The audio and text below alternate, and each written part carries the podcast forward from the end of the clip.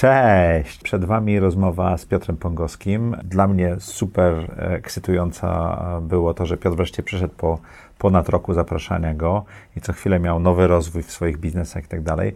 Piotr, podobnie jak ja w 2015 roku, zamienił karierę korporacyjną na karierę przedsiębiorcy. Opowiadaliśmy dużo o jego doświadczeniach z Intela, z Microsoftu, z HP, ale też bardzo dużo mówiliśmy o tym, jak, jak to jest być przedsiębiorcą, jak trudne wyzwania to są. Piotr w pewnym momencie nawet opowiadał o tym, jak e, w marce kosmetycznej, którą prowadzi wraz z żoną, jest doradcą kosmetycznym, ale też jak najpierw doradzał, a teraz jest e, w zarządzie dużej firmy IT e, w Trójmieście, firmy B2B. I taki ciekawy balans, także wyszła super rozmowa. Bardzo serdecznie Was na nią zapraszam. A dodatkowy bonus od naszego gościa to w jego marce BioUp dostajecie jeżeli chcecie zamówić kosmetyki do twarzy, drogie panie przede wszystkim chyba, to e, możecie dostać zniżkę 10%. Szczegóły w opisie. Zapraszam Was bardzo serdecznie, a teraz zapraszam na odcinek. Zaprojektuj swoje życie. Zapraszam Was do mojej autorskiej audycji Zaprojektuj swoje życie. Przedstawiam osoby, które podjęły nietuzinkowe wyzwania życiowe i biznesowe. Rozmawiamy o tym, co nas napędza i dokąd zmierzamy. Historie opowiadane przez moich gości zainspirują Was do świadomego i odważnego projektowania swojego życia.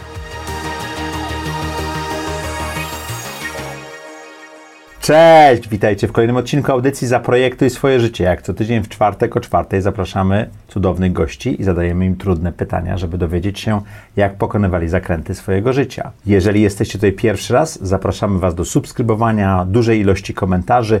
Jeżeli chcecie wspierać audycję, to nawet te 5 zł, to mniej niż na kawę, możecie nas wesprzeć na patronajcie, patronite.pl, łamane przez ETZ. Każde 5 zł pomaga nam rozwijać się. Zapraszamy Was serdecznie. A dzisiejszym gościem jest Piotr Pongowski.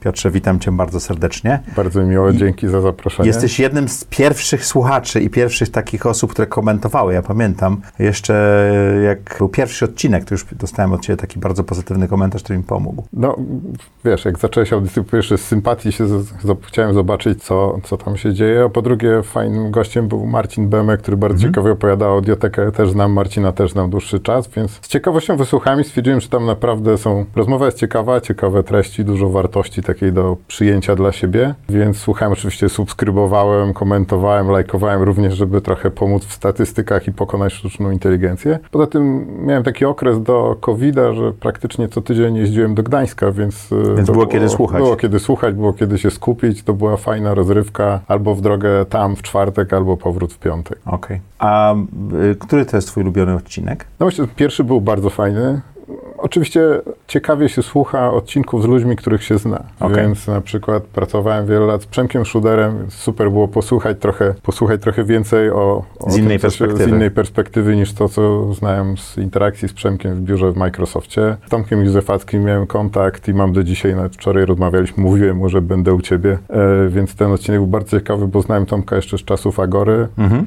E, no tych odcinków było kilka, poza tym w każdym w zasadzie można wyłapać jakieś smaczki. Czy te rozmowy ze sobą Mateusza Kusznierewicza, czy to, co w ostatnim odcinku Marce Risk, rozmowa na temat, e, jak dobierać sobie partnerów biznesowych czy wspólników, bo, bo rzeczywiście tak jest, że dobranie wspólnika w spółce to jest jak małżeństwo. Myślę, że nawet trudniej jest tego mhm. się wymiksować niż, e, niż małżeństwo. Mówiąc brutalnie z małżeństwa, bo jednak e, to zaangażowanie jest wielowymiarowe, okay. a często też no, jest to źródło utrzymania, więc sytuacja może być skomplikowana. To prawda. Miałeś, czy masz dalej imponującą ścieżkę kariery i my w pewnym momencie przecięliśmy się, e, jak ja wróciłem właśnie do Polski. Czy pamiętasz e, to spotkanie? Tak.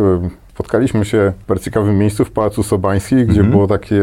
To kilkaset metrów stąd tak Team naprawdę. on team managementu Microsofta i Della. Mhm. Zorganizowane pewnie przez ciebie jako szefa wtedy Dela. Nie, to chyba Jacek Murawski, którego Jacek, mam nadzieję tu gościć. Jacek Murawski może był inicjatorem tego jako tak. ówczesny szef Microsoftu. No i ja brałem w tym udział, więc wtedy mieliśmy się okazję spotkać, a potem jeszcze parę razy się nasze drogi przecięły w różnych miejscach. Mhm. I masz, e, mamy, o tym pogadamy trochę później, ja też masz taki bardzo ciekawy moment zbieżny z moim. W 2015 roku postanowiłeś e, spróbować sił poza dużymi organizacjami, trochę na swoim, trochę wspierając inne organizacje, więc to będzie dłuższa rozmowa chyba na ten temat, ale chciałem Cię zapytać moje standardowe pytanie, jak do tej pory wyglądało projektowanie Twojego życia? No to jest pytanie, które jest dla mnie dużym wyzwaniem i oczywiście nad tym się zastanawiałem. Myślę, że jak byłem w pierwszej korporacji, czyli w Intelu, to rzeczywiście myślałem nad tym, miałem plan, głównie robienia kariery w Intelu, mhm. czyli jakichś awansów, zmiany stanowisk, zmiany obszarów, może awansów korporacji, wyjazdu poza Polskę.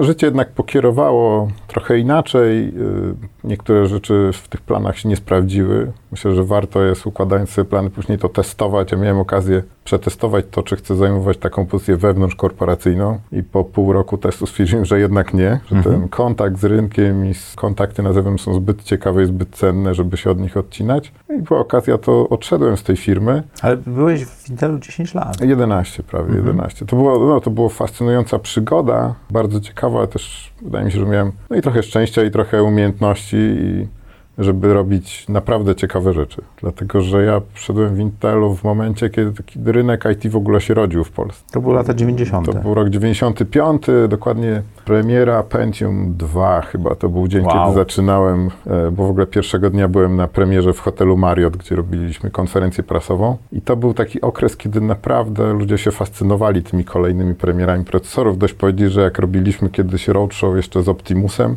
prezentowaliśmy po Polsce, jeździliśmy, pokazywaliśmy nowe komputery, to tłum napierał na drzwi, wybite szyby, wyłamane drzwi. I żeby zobaczyć żeby nowe zobaczyć e, show z nowymi komputerami. Także no dzisiaj oczywiście to nie budzi takiej ekscytacji. No ale jak, jak Apple ma swoją konferencję, to dużo tak, osób ogląda, tak? Tak. No mówię o rynku PC, który o, okay. oczywiście nie jest już taki ekscytujący jak był wtedy. Pokazywaliśmy centrach handlowych, czym będzie internet. Wtedy nawet e, średnio z łączami było, więc ten internet był troszkę taki tam Udawany. podrasowany na płytce kompaktowej. Wspólnie z M-Bankiem pokazywaliśmy, co to może być bankowość elektroniczna, zdalna i tak dalej. To bardzo pionierskie czasy. Tak jak powiedziałem, to projektowanie mojego życia nie zadziałało tak, jak sobie na początku wyobrażałem, natomiast pozostały mi pewne rzeczy, które e, później były takimi guiding principles dla mnie. Okay. Czyli przede wszystkim możliwość podejmowania decyzji pewnej niezależności, albo dosyć szerokiej niezależności. A w Intelu to było, tak? W Intelu to było e, i później zawsze tego szukałem. Branie odpowiedzialności właśnie za decyzje, które się podejmuje, no i też otaczania się ludźmi, którzy są wartościowi często zatrudniania ludzi, którzy są lepsi ode mnie, bo oczywiście każdy ma swoje słabości. Ja sobie doskonale zdaję sprawę, gdzie one są i staram się, żeby ludzie, którzy są wokół mnie, dobrze je uzupełniali. I, I robienia też rzeczy, które mają, mówiąc ładnie po polsku, impact. Robienia rzeczy, które wpływają Wpływ. na otoczenie i zostawiają jakiś ślad. I tego nauczyłeś się pracując te 10-11 lat w Intelu? To znaczy, to, to, wytworzyłeś w sobie w pewnym sensie, odkryłeś, tak? Tak, tak. I to potem zabrałeś ze sobą? I potem starałem się, żeby takie rzeczy można było robić. Oczywiście różnie to wychodzi. Czasami musisz, nie wiem, podejmiesz decyzję, że ta szansa daje ci większą niezależność, może ten wpływ nie będzie taki duży. Zespół, tak? Czasami trzeba wybierać pewne rzeczy, ale, ale tak e, po kolei te rzeczy, które robiłem, wydaje mi się, że mniej więcej w tym obszarze się poruszały. Mhm. Co jeszcze dał Ci Intel? Bo to taka była, to była super dynamiczna firma w latach 90., prawda? No, Intel dał bardzo dużo rzeczy, bo ja zaczynałem Intelu w młodym wieku, więc to była trochę dla mnie taka szkoła życia i biznesu. Mhm. Również szkoła zarządzania, leadershipu. Zacząłem jako taki Business Development Manager, to się troszkę inaczej wtedy nazywało, ale de facto to była taka rola, czyli chodziłem często po dużych organizacjach i opowiadałem, jaka to nowa technologia nadchodzi. Natomiast dwa lata po moim przyjściu do Intela pojawiły się w ogóle w Intelu takie pozycje jak Country Manager. Mhm. No i w Polsce nie było takiej osoby, nie było w ogóle osoby, która miała prawa lokalnego podpisu w biurze, więc problem taki nawet bardzo pilny. Napisałem do mojego szefa ówczesnego, czy to ja nie mógłbym być. On odpisał why not. Porozmawiajmy o tym. To dosłownie taka rozmowa była? No, ta rozmowa była troszkę dłuższa, ale pierwsza odpowiedź na mailu była why, why not? not? E, no i w końcu stwierdził, że jestem odpowiednią osobą, czyli zostałem wyjęty z... A ile czasu pracowałeś wtedy? Dwa lata. Dwa okay. lata w Intelu. Natomiast to był malutki zespół. Byliśmy, powiedzmy, taką grupą przyjaciół, 5-6 osób wtedy mhm. pracowało i nagle ja zostałem szefem tego biura, co nie było prostym procesem, bo nagle wychodzisz z tego zespołu, z bycia... Wczoraj byliśmy kumplami, kumplami, a teraz jestem twoim szefem. A teraz jestem szefem wszystkich. To, to była nauka i ona nie była prosta. Na szczęście, tak jak powiedziałem, otaczałem się ludźmi, którzy byli wartościowi, również mhm. E, takimi, którzy potrafią dać bardzo otwarty i brutalny feedback, a ja mam na szczęście tą cechę, że potrafię go przyjmować e, w sposób konstruktywny. Więc miałem taką koleżankę w Intelu, która zabiera mnie do sali konferencyjnej i tłumaczyła mi, że się do niczego nie nadaje jako menadżer i dlaczego nie zrobię czegoś inaczej. To było bolesne, potem jakaś nieprzespana noc, ale to wiele mi dało. Ale to był wa- wartościowy feedback. To był wartościowy feedback. Bo rzeczywiście, Bolesny, otwarty, rzeczywiście szczery. popełniałeś jakieś błędy, tak? Tak, tak. A co tak. to były za błędy, pamiętasz? Teraz nie pamiętam. Ale feedback, ale sam moment feedbacku pamiętasz, Ale emocje moment, pamiętamy tak, lepiej tak, niż Tak, fakty. oczywiście. Myślę, że to są takie, wiesz, y, zawsze początkujący menadżerowie popełniają mniej więcej te same błędy. Czyli po pierwsze próbują robić rzeczy za swoich podwładnych. Mhm. To jest klasyka klasyk. Zresztą jak miałem pierwszego podwładnego menadżera, to też mi dał taki feedback, że jeśli go mianowałem menadżerem, to może przestałbym za niego decydować. Więc trzeba umieć zrobić ten krok wstecz Mhm. i się wycofać trochę. Bo to jest, to jest kolejny poziom w ogóle abstrakcji, że nie tylko nie robić za rzeczy, ale też nie decydować za menedżerów, Tak, tak? tak, tak. Więc to, to są wszystkie rzeczy, których, y, które przeszedłem w Intelu. Oczywiście ucząc się, powiedzmy, z teorii, czytając, chodząc na kursy i tak dalej, ale potem musisz to w życiu zaaplikować. Więc ten element delegowania, oceniania, chwalenia i oczywiście rolą takiego country managera, jak świetnie wiesz, jest też y, walka wewnątrz korporacji, sprzedawanie swojego zespołu i tak dalej. Tak, żeby dostać, żeby dostać te środki, Musisz dostać zasoby, zasoby ludzi, nagrody, ludzie chcą być wyróżnieni headcount, i tak dalej. głowy, tak? Tak, więc to są rzeczy, których się wtedy nauczyłem. Pamiętam, że potem w Microsoftie kiedyś moja HR business partner przyszła do mnie i powiedziała, "Mm, czy twoi ludzie za ciężko nie pracują? Ja mówię, wiesz co, nie płaczą i czują, że mają ciekawą pracę i nie, nie płaczą z przeciążenia, to chyba są zadowoleni i generalnie tak było. Taki feedback później dostawałem, więc, y, więc to była szkoła. Drugim elementem, który był bardzo mocno rozwinięty w Intelu i on później w tych kolejnych firmach, w których pracowałem, czyli w Microsoftie i w HP, był dużo mniej widoczny, były wartości. Znaczy w Bo ta Intelu firma miała silne wartości. bardzo silne. Andy Grove jeszcze tam. Dokładnie. Co więcej, y, ludzie się ich naprawdę uczyli na pamięć, ponieważ była taka plotka, mnie to nigdy nie spotkało, ale niektórzy mówili, że byli świadkami, że Andy dzwonił do oddziału firmy i pierwszy, kto odebrał telefon, musiał mu odpo- powiedzieć, jakie są wartości. I jak nie powiedział, to miał solidne kłopoty w firmie. Więc y, Intel co... Ale to co, była plotka, czy to...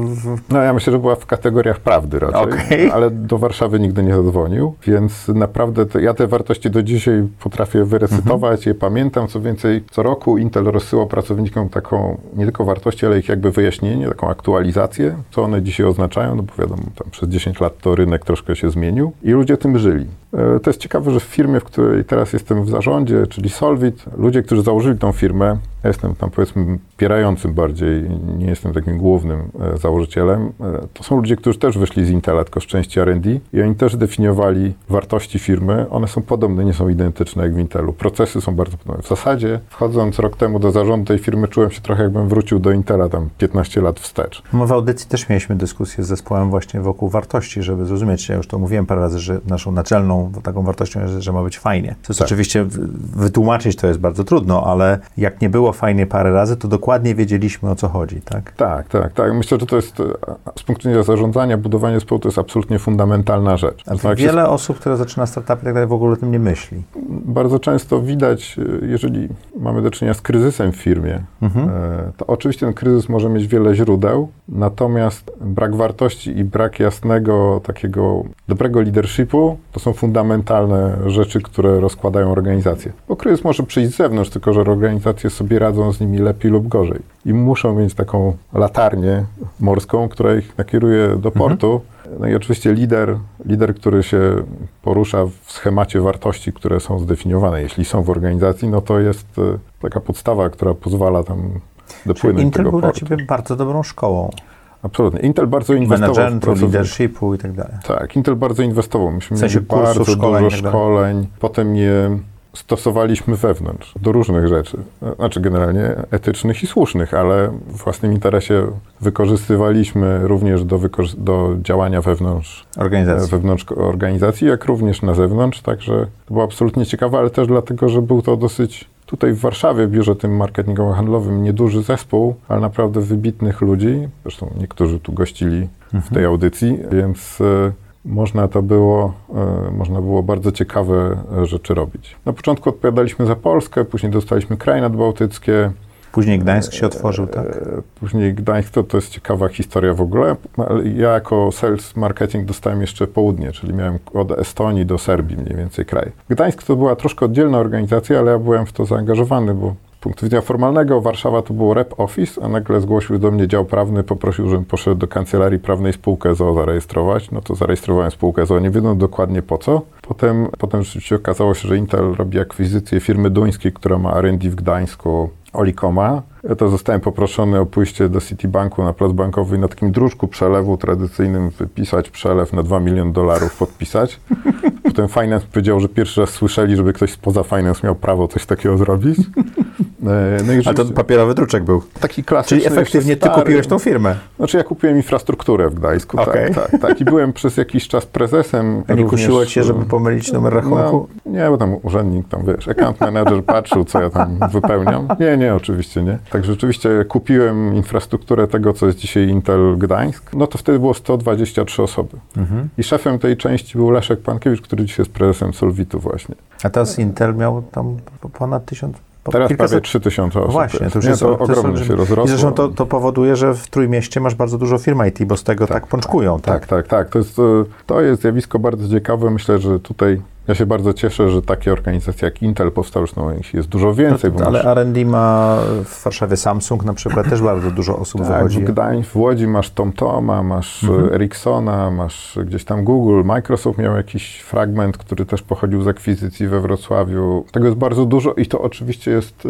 tworzy pewien ekosystem. To podobnie się rozwinął Izrael, moim, moim zdaniem. Tam jest, od Haify do Tel Awiwu masz całe zachodnie wybrzeże tam mhm. Stanów Zjednoczonych, tylko że jedziesz tam godzinę pociągiem i oczywiście z tego wychodzą ludzie po pierwsze wyedukowani w sensie technologicznym wiedzy, ale, ale też, też biznesowo, biznesowo wiedzą jak robić projekty i tak dalej. I rzeczywiście można powiedzieć, że Solvit dzisiaj jest takim, taką właśnie organizacją, która powstała na bazie Intela, ale też nawet w Gdańsku współpracujemy z firmami, gdzie też są ludzie, którzy wyszli z Intela i tworzą bardzo ciekawe rzeczy. Także to absolutnie jest zjawisko, które jest pozytywne i nie tylko w sensie tego, że tworzą, nie wiem, 1100 czy 3000 miejsc pracy, ale to po prostu tworzy Ten pewien efekt ekosystem. domina wokół. Y, po latach ma Także Gdańsk impact. jest bardzo ciekawym ekosystemem. Warszawa oczywiście, to mhm. wiadomo, Kraków i, i, takie miasta gdzieś, i Łódź teraz jest naprawdę dynamicznie rozwijającym się takim ośrodkiem, gdzie to R&D działa. Zresztą fabryka Dela też Fabryka, a fabryka jest, to też jest to troszkę, co innego. Tam jest dużo logistyki, dużo takich rzeczy, tak? tak. Bo tam bardzo dużo firm logistycznych wokół tego powstało. Słuchaj, a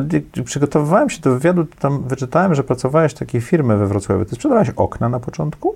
A co to był ten Westwood? A Westwood to był w ogóle niedługo po studiach. Mhm. E, zacząłem pracę. To była firma założona przez Anglików, którzy okay. sprzedawali z Anglii jeszcze wtedy, nie wiem, z czego już teraz nie ma, czyli terminale ASCII, czy jakieś tam oprogramowanie i Czyli ty byłeś od początku w IT? Od samego początku byłeś w IT? Tak, w ogóle pierwszą pracą, jaką podjąłem, była praca w serwisie komputerowym firmy Baza, której też nie ma i pamiętam, jak przekonywałem prezesa, żebym nigdy do sprzedaży nie trafił, bo ja się absolutnie nie nadaję, ja chcę tylko w serwisie pracować. Ale po pół roku, że mój tata mnie przekonał, że serwis to zawsze koszta, a sprzedaż to przychody i lepiej być po tej stronie.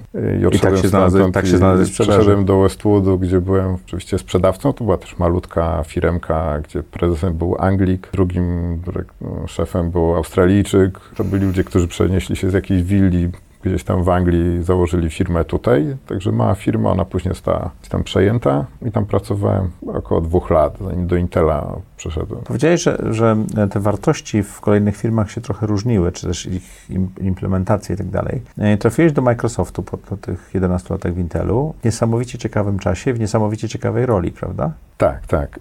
Tak jak powiedziałem, na końcu Intela byłem szefem regionu, czyli 13 krajów. Dużo latania. Co tydzień walizka, trzy dni poza Polską. Pierwszy rok to jest fajny, drugi to w miarę coś tam robimy, trzeci widzisz ten sam biznes launch i mówisz, nie, po co ja tu jestem, dlaczego nie. Ja, ja prędzej, bo ja po, po, roku już miałem dość. No to mi to zajęło troszkę dłużej, okay. ale po trzech latach stwierdziłem, że absolutnie to jest bardzo fajne, ale już co mogłem zrobić, to zrobiłem i dziękuję. To nie jest tak prosto odejść z roli regionalnej, wszyscy mówią, o, jesteś, masz nadmiar kwalifikacji i tak dalej. Mhm. Przecież ja bardzo chciałem jednak coś zmienić. Drugim powodem był zawsze, z którego powód, z którego zawsze często odchodzisz z firmy, to jest szef. W Intelu miałem szczęście mieć bardzo ciekawych szefów do ostatniego, który doprowadził do tego, jest, że... Jest takie powiedzenie, że ludzie przychodzą tak, do tak, firmy, a odchodzą od szefów, Oczywiście. prawda? Dlatego ostatni też jakby był takim katalizatorem, żeby jednak odejść, mhm. bo nie graliśmy na tych samych falach.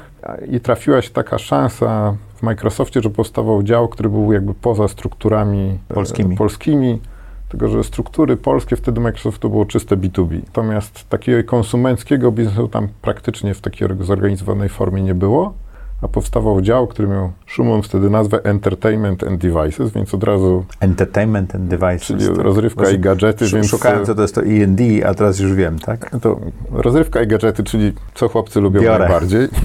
pomógł mi tam skontaktować z tymi ludźmi Marek Rotter, ówczesny wtedy przed Jackiem szef GM Microsoftu. No i się porozumieliśmy i odszedłem z takiej pozycji, gdzie miałem region, 70 osób i tak dalej, i tak dalej, do działu, który miał trzy osoby I dopiero powstawał jeden powstawał. pokoik gdzieś tam. Także przeskoczyłem takiego wewnętrznego, powiedzmy, startupu, Mhm. ale oczywiście pod ciepłą kołderką korporacji. No i dwa miesiące po moim przejściu robiliśmy premierę Xboxa 360 w Polsce. Wow. Czyli to jest ten taki to jest taki Moment. fajny impact, bo rzeczywiście wydaje mi się, że zmieniliśmy rynek gamerski w Polsce. Znaczy, po pierwsze, konsole w ogóle były mało znane, a po drugie, jak jest jeden gracz na rynku, to wiadomo, że on nie musi się wysilać, swoje zrobi, a nic tak nie rozwija rynku jak konkurencja. Sony sprzedawało wtedy konsole bez problemu. Tak. E, Jak startowaliśmy, tuż przed premierą zrobiliśmy spotkanie dla pracowników e, Microsoftu wewnętrzne, żeby im wytłumaczyć, co to jest. No i różnica pomiędzy graniem ogólnie rzecz biorąc na komputerze,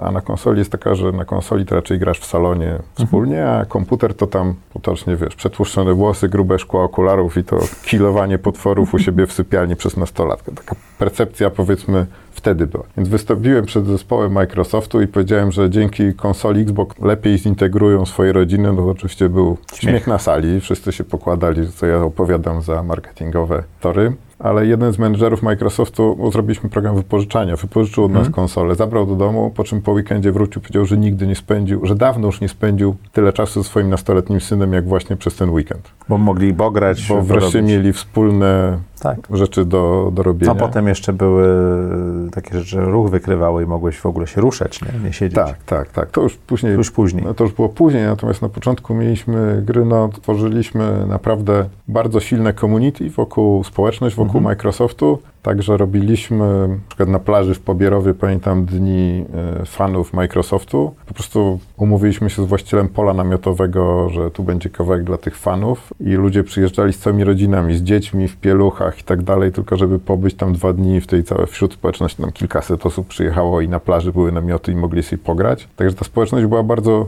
silna i percepcja była bardzo dobra Xboxa. Powiedzieć, że chyba po dwóch latach osiągnęliśmy mniej więcej 40% udziału w rynku Z zera. z zera, gdzie globalnie Microsoft miał około 15%. No, może troszkę inny układ był na innych rynkach niż w Polsce. Nintendo w Polsce było dużo słabsze, niemniej no, zajęliśmy dosyć istotną część rynku. Moim zdaniem niekoniecznie tylko odbierając Sony'emu, po prostu no, rynek się zwiększył. Dzięki temu, że ludzie zobaczyli, jest więcej No tak, bo tytułów, jak robisz piknik na plaży i coś jeszcze, to, to tworzysz też nowe, Tak. nowe obszary, tak? więcej premier, więcej artykułów, dzięki temu po prostu rynek się rozwija. A jak to było przejść z takiego typowego B2B, gdzie gadasz z firmami, które kupują, a jeszcze procesory to kupują firmy, które kupują i sprzedają do firm, które to budują i tak dalej, więc to jest w ogóle wydłużone, do takiego biznesu, w którym dotykasz konsumenta praktycznie. Znaczy, Tak jak Intelu- mówiłeś o tym menadżerze, tak? Mhm. W Intelu mieliśmy jeden i drugi biznes, bo tak jak mówiłem, robiliśmy również imprezy dla Mhm. e, konsumentów, robiliśmy jakiś sponsoring, na przykład drużyny kolarskiej, po to, żeby pokazywać ludziom nowe procesory, nowe technologie. Więc mieliśmy i element B2B, i element e, B2C, marketingu B2C. Niemniej oczywiście e, jakby no, to przejście było, e, było znaczące. Znaczy, trzeba było po prostu przede wszystkim zrzucić garnitur i krawat, w którym się poruszałem non-stop prawie w Intelu i, i, i przejść do dużo swobodniejszej formy. Pamiętam taki po premierze Xboxa 360 chyba w Polityce okazał się taki artykuł na mój temat, gdzie dziennikarz pisał, że właśnie przychodzę e, do domu, zrzucam garnitur, zakładam jakiś kombinezon i tam morduję potwory całą noc.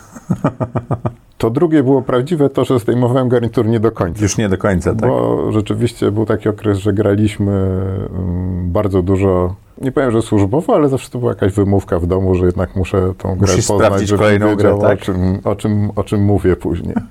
Także to było ciekawe. No wiesz, klientem na koniec był też ten B, bo sprzedawaliśmy do retailu, Mhm. e, do sieci handlowych. Zresztą wtedy mm, gaming nie był tak szeroko dostępny jak, mm, jak teraz. Internet praktycznie nie istniał, to były śladowe ilości sprzedaży przez internet. Praktycznie mieliśmy dwie sieci, do których sprzedawaliśmy, czyli MediaMarkt i, i Empik. Dopiero z czasem inne zauważyły, że to może być atrakcyjny biznes. Mhm. E, robiłeś też premierę Internet Explorera, dziewiątki, jeśli dobrze wyczytałem. Tak. To też było część o, o, tego gadżetów i rozrywki? E, Nie, w Microsoftie następowały, następowały zmiany organizacyjne. Jak to w korporacji nie do końca jesteś w stanie, siedząc w oddziale, zrozumieć, jaka była filozofia za tym. Ale pojawił się drugi dział konsumencki, który się nazywał Consumer i Online. Który odpowiadał za marketing e, Windowsa, Mhm. Software'u. software'u, Windows Mobile Mhm. i wszystkich serwisów online'owych. Okej. No to powiedzmy wtedy, kiedy ja trafiłem do Microsoftu, Microsoft nie był u szczytu swoich możliwości technologicznych, bo to była Windows Vista, e, Windows Mobile stary, Internet Explorer jeszcze przed, e, to była ósemka w ogóle, jak robiliśmy premierę, może dziewiątka. Nie, Nic mi nie mów, ja ciągle muszę używać Explorera do pewnych druków w urzędzie podatkowym, bo żaden inny nie działa, tak? No tak. Internet Explorer, jak wiemy, stracił duży udział w rynku, ale rzeczywiście e, mm, No i Vista Miałem była, taką- Vista była porażką. no, to była porażką. Robiliśmy premierę siódemki, e, robiliśmy premierę nowego Office'a, która zresztą była wielkim sukcesem e, w sensie promocji. Robiliśmy premierę potem nowego Windows Phone'a, który był bardzo fajny, ale też już jest raczej świętej pamięci. Zresztą ostatnio mi na Facebooku wyskoczyło przypomnienie zdjęć z tego mm, wydarzenia. Mm, No i rzeczywiście robiliśmy premierę i robiliśmy promocję Internet Explorera. To jest w ogóle bardzo ciekawa rzecz, dlatego że nie wchodząc może w niuanse, które mogą być niezbyt ciekawe, za, intern- za przeglądarką stoi bardzo ciekawy model biznesowy. Czy Okej. to jest wyszukiwarka, czy to jest ruch na stronie domowej, jaką ustawisz, czyli msn.com. To są bardzo dobrze monetyzujące się e, biznesy. Natomiast w pewnym momencie Steve Ballmer, jak głosiła plotka korporacyjna, stwierdził, że z tych przeglądarek nic nie będzie i na dwa lata wstrzymał development przeglądarki, czyli U, Internet a cały rynek poszedł do przodu. A rynek, czyli Chrome przede wszystkim e, poszedł bardzo do przodu i Microsoft został w tyle i zaczął tracić udział w, e, w rynku przeglądarek, co się szybko przekładało na straty finansowe, bo, no bo MSN przestał Być ważnym trafik, więc przychody z reklam zaczęły spadać. Microsoft próbował to nadganiać w taki sposób trochę korporacyjny, czyli właśnie premiera nowej przeglądarki, jakieś pieniądze, nawet reklamę telewizyjną robiliśmy przeglądarki, to jest trochę abstrakcyjne, dzisiaj o tym pomyśleć, no ale korporacja dała nam pieniądze i powiedziała albo je wydacie, albo wydamy je gdzie indziej, no to je wydaliśmy. Mhm. Natomiast, natomiast no, jakie są dzisiaj udziały przeglądarek, no to można sobie sprawdzić w jakichś statystykach. Ale one znowuż się zmieniają. Tak? Tak, bo Chrome zrobił się tak ciężki, że wiesz, że ludzie zaczynają szukać i jest parę innych opcji. Już nie, nie robimy tutaj reklam. A słuchaj, mówiłeś dużo o wartościach przy Intelu i takiej kulturze pracy. Jak ta zmiana to było takie proste? Miałeś osobny zespół, co było łatwe i tak dalej, ale czy ta zmiana była dla ciebie y, taka naturalna, czy rzeczywiście zacząłeś odczuwać różnice między tymi firmami? Nie, absolutnie różnice między firmami są. To znaczy Microsoft, e, nawet jeżeli to był niezależny zespół, to on był umocowany w dużo większym oddziale. Jest dużo większe biuro, wiadomo, jakaś dynamika, historia, polityka. Część naszych biznesów zahaczała o inne biznesy. Bardzo szybko zaczęliśmy odpowiadać za Office'a domowego i za jego sprzedaż w sklepach. E, To konkurowało z- ze sprzedażą Office'a do małych firm, tak? Oczywiście, to za, zabierało biznes y, innym działom. Microsoft zresztą tak był skonstruowany, nie wiem jak jest teraz, ale wtedy, że y, niektóre działy ze sobą konkurowały. Mhm. Masz wiele modeli licencjonowania tego samego produktu to, i odpowiadają za to różne grupy, to nie ma cudów. Co więcej, jak nie masz zewnętrznej konkurencji, no to masz przynajmniej taką i to napędza jakoś ludzi. No, to nie jest bardzo zdrowe dla organizacji, ale tak to tam funkcjonuje. Ale zdrowe dla sprzedaży, tak? Tak. Intel był też taką firmą, gdzie ceniono pewne wartości, które zaimplementował Andy Grove, czyli na przykład takie hasła do dzisiaj mam w głowie i często je używaliśmy typu attack the problem, not the person. Okej. Czyli bardzo twarde postawienie problemu, o ile to nie było tak osobiste, było bardzo dobrze akceptowane. Natomiast w Microsoftie już nie. To znaczy ja po pierwszym pół roku miałem coaching robiony przez szefa, że Że takich zbyt maili, bezpośredni? takich maili to w Microsoftie się nie pisze. Aha. Jak napisałem, że pewne rzeczy są po prostu idiotyczne i, i tego nie róbmy, ileś osób było na kopii i tak dalej, no to byłem zabrany na rozmowę i że jednak tak się nie robi. Więc te różnice kulturowe były. Oczywiście korporacje amerykańskie są wszystkie do siebie w jakiś sposób podobne i tak dalej, ale pewne, pewne niuanse są. No i oczywiście no, ta niezależność była w tym oddziale, ona była duża, ale już no, nie taka była jak e, bycie tam country managerem powiedzmy Intela i robienie co tam się chce, powiedzmy, no, na co korporacja pozwala. Czego Także- się nauczyłeś e, w Microsoftie? Przede wszystkim oczywiście funkcjonowania na rynku konsumenckim w sensie retailu. To znaczy retail jest innym partnerem niż mały integrator komputerów czy reseller, czy to coś takiego.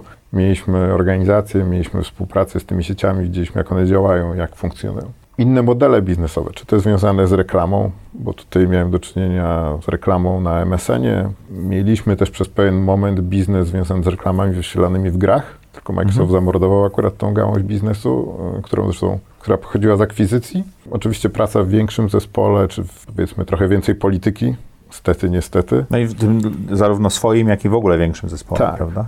No i oczywiście doceniłem wartość, jaka pochodzi z rozbudowującej się siatki kontaktu. Znaczy, Mhm. wiesz, żyjąc w tej bańce intelowej, oczywiście znałem rynek IT, miałem kontakt Ale z ludźmi, którzy tam byli, specyficzny wycinek, prawda? ale to był bardzo taki zresztą związany ze sprzętem. Tu się pojawił rynek gier, Software'u. rynek software'u, akcesoriów i tak dalej. Inni ludzie, inne rzeczy mogliśmy robić z innymi partnerami i tak dalej, więc to się rozbudowało. Później jak przeszedłem do HP, to oczywiście zawsze, może to nie jest dobre słowo, ale monetyzujesz tą swoją siatkę kontaktów, wykorzystujesz ją. Później podejść z korporacji nadal do pewnego stopnia możesz. Kiedyś y, robiłem coaching koleżanki z marketingu, którą, która pracowała u mnie w HP i właśnie to tłumaczyłem. Po trzech miesiącach przysłała, złożyła wymówienie. Ja mówię, dlaczego? No powiedziałeś mi, że jak się zmienia firmy, to się fajnie rozbudowuje siatka kontaktów. A to nie było twoim zamiarem Nie, zupełnie. oczywiście, że nie.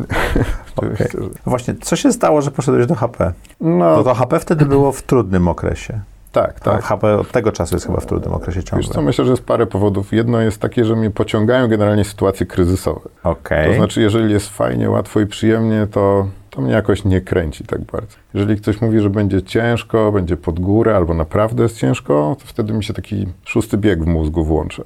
Rozwiązywanie problemów. tak? Rozwiązywanie problemów, czyli, no nie wiem, COVID jest dobrym przykładem. Mhm. Absolutnie się nie cieszę, że się COVID pojawił i myślę, że to jest e, ogólnie no, niezbyt pozytywne otoczenie, w którym działamy, ale kiedy się pojawił i zaczęliśmy myśleć, czy w Solwicie, czy też w biznesie kosmetycznym, który, który z żoną prowadzę, jak z niego wyjść, to po pierwsze przypomniały mi się pewne rzeczy z poprzednich recesji, o czym mieliśmy okazję rozmawiać, a po drugie to działa bardzo motywująco. Przetrwamy, zawrzemy szyki do przodu. Takie sytuacje były w Microsoftie, może tak bardzo się nie zdarzały, w, HP, w, w Intelu trochę było, a w HP później permanentnie praktycznie.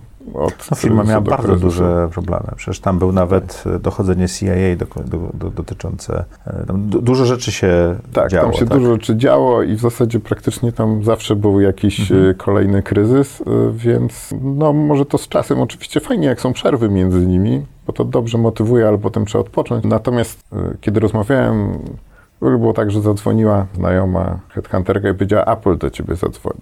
Ale nie zadzwonił Apple, tylko zadzwonił HP, już jak byłem, radar miałem włączony. E, I poszedłem na, czyli zadzwonił Korn Ferry i zaprosiłem mnie na rozmowę. No i tam rozmawialiśmy z tym szefem regionalnym HP i on mówił, jakie ma problemy, co się dzieje w zespole i tak dalej. Ja mu zacząłem opowiadać, jakbym to zrobił. No i tak mu opowiadałem, że sam uwierzyłem, że to wreszcie Że to się da zrobić. to się da zrobić. A z kolei Jacek Murawski, który próbował mnie zatrzymać, powiedział, Piotr, zresztą jakby oferty wyrównane i tak dalej, już nie ma takiej różnicy. Mówi, Piotr, przecież ty to wszystko znasz, to będzie dla ciebie łatwe. I tak też całą noc myślałem i stwierdziłem, nie no, jak to ma być dla mnie łatwe, to ja to umrę z nudów i odszedłem do HP. Powiedzmy mieszane uczucia co do tej decyzji, no, ale było to też bardzo ciekawe Ale ta doświadczenie. decyzja doprowadziła cię do 2015 roku, kiedy w kwietniu zakończyłeś tam pracę. Ja z powodu podobnej decyzji w 2015 roku, w czerwcu zakończyłem pracę, więc my w prawie równo postanowiliśmy próbować swoich sił. Tak, no i byliśmy w tym samym procesie do tej ostatniej twojej korporacji. No ty wygrałeś. Pamiętam, że się Tak. wtedy na kawę spotkaliśmy, żeby Tak. uczcić A twoje rzeczywiście, zwycięstwo. ja zapomniałem o tym zupełnie. Do Samsunga obydwaj byliśmy w procesie. Tak, tak. Potem opijaliśmy to kawą Tak. na, na żurawie chyba, żeby uczcić twoje zwycięstwo. Tak, później odszedłem i nawet y, jak dzwonił do mnie, krótko po moim odejściu z HP dzwonił do mnie headhunter i pytał się, czy nie jestem zainteresowany, bo już nie pamiętam, kto szukał tam do pracy, Xerox czy ktoś. Mhm. Powiedziałem, że nie jestem zainteresowany, że jak uda mi się, umówmy się za rok, jeżeli przeżyję ten rok, y, powiedzmy bez pensji i kołderki korporacyjnej, to fajnie, a jak za rok będę miał problem, no to będę bardzo otwarty na rozmowę. Mhm. No, ale udało się udało, przeżyć? udało się przeżyć.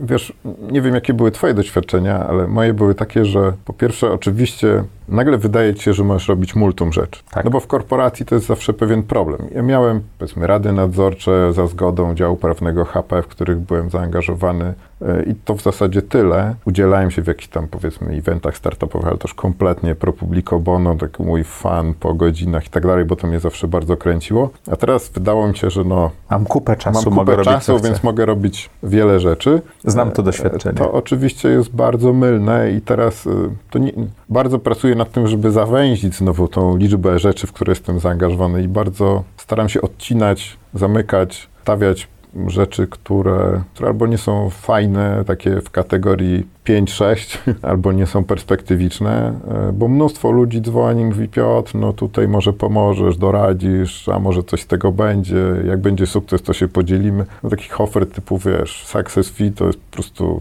był moment, że było parę miesięcznie i na początku człowiek się na to łapie, potem stwierdza, że to jednak tak nie działa. Po pierwsze, ciężko jest ja nie, mentalnie się tak nastawić, że możesz przeskakiwać z jednej skrzynki pocztowej do drugiej co godzinę. Po drugie, To jest one- bardzo trudne. Drugie oczywiście to nie prowadzi do żadnego sukcesu. Mhm. E, Więc to jest, e, to jest takie moje doświadczenie i to mi zajęło jakiś czas. e, Ale to rozproszenie trwało u ciebie ile? Bo mnie chyba ze 3 lata albo No, 3,5. podobnie, podobnie, podobnie. To znaczy miałem, e, zaangażowałem się, w, postawiliśmy firmę dystrybuującą sprzęt medyczny i w to byłem powiedzmy zaangażowany na tak no, prawie 90% powiedzmy. Z, z Actionem było razem robione. Tak, tak. A Właśnie miałem, bo próbuję Piotra zaprosić, jak się pracuje z Piotrem, jak się pracowało z Piotrem Bielińskim, bo ja go znałem jako odbiorcę i tak dalej, ale nie pracowałem z nimi nigdy, bo to bardzo taki co, no- super energetyczny przemysłowy, przedsiębiorca był. Super, znaczy Piotr jest niesamowicie mądrym człowiekiem, Jest. ma ogromne doświadczenie, ma taką z praktyki wy, wywodzącą się bardzo dużą wiedzę finansową. To Mhm. znaczy, o ile wiem, nie ma wykształcenia powiedzmy ekonomicznego, Ale rozumiem. Natomiast no, wiesz, zarządzając spółką giełdową, ogląda liczby, jest w stanie bardzo szybko powiedzieć również, dlaczego komuś nie wyszło na zasadzie zwrotu z kapitału i tak dalej, i tak dalej. No ma też bardzo mądrych ludzi tam e, w firmie, no bo wiadomo, o- osiągnęli bardzo dużo, więc to nieprzypadkowi ludzie. E, więc jest bardzo, no tak jak powiedziałem, mądrym, doświadczonym i jednocześnie oczywiście drive niesamowity. Znaczy plus sportowiec, Sportowiec, wiadomo... zespół kolarski. Tak. Natomiast akurat y, może pechowo trochę ja trafiłem, jak przedem w 2015 zaczęliśmy ten biznes, on się zaczął rozwijać. To był biznes oparty na dystrybucji sprzętu medycznego, Tak, prawda? tak, tak. I on się zaczął rozwijać. To, to nie jest łatwy biznes, bo tam są długie cykle sprzedażowe, trzeba się nauczyć, zbudować zespół i tak Mhm. dalej. Tak, Action wszedł w sanację w 2016 roku, co z kolei nam podcięło skrzydła. skrzydła, bo my znowu weszliśmy w taki permanent, jako spółka córka, powiedzmy na razie na budująca biznes, weszliśmy w taki permanentny kryzys. Znaczy coś, co było, budowało nam wiarygodność w oczach kooperantów, nagle stało się wręcz przeciwną stroną, czyli wszyscy kooperanci, z którymi Czyli to, że w wyjście projekty- spółką córką było ważne, a potem się okazało kotwicą, tak? a potem kotwicą, bo straciliśmy umowy dystrybucyjne. Kooperanci, z którymi na przykład szliśmy do projektów typu przetargi, zaczęli żądać przedpłat albo gwarancji, albo jakkolwiek, których my nie mogliśmy dać jako mały podmiot, a Action w sanacji też miał ograniczenia prawno-regulacyjne, w których musiał działać. Także to weszliśmy w taki trudny okres. No i tam udawało się biznes budować, ale też rynek medyczny, wiadomo, jest to rynek e,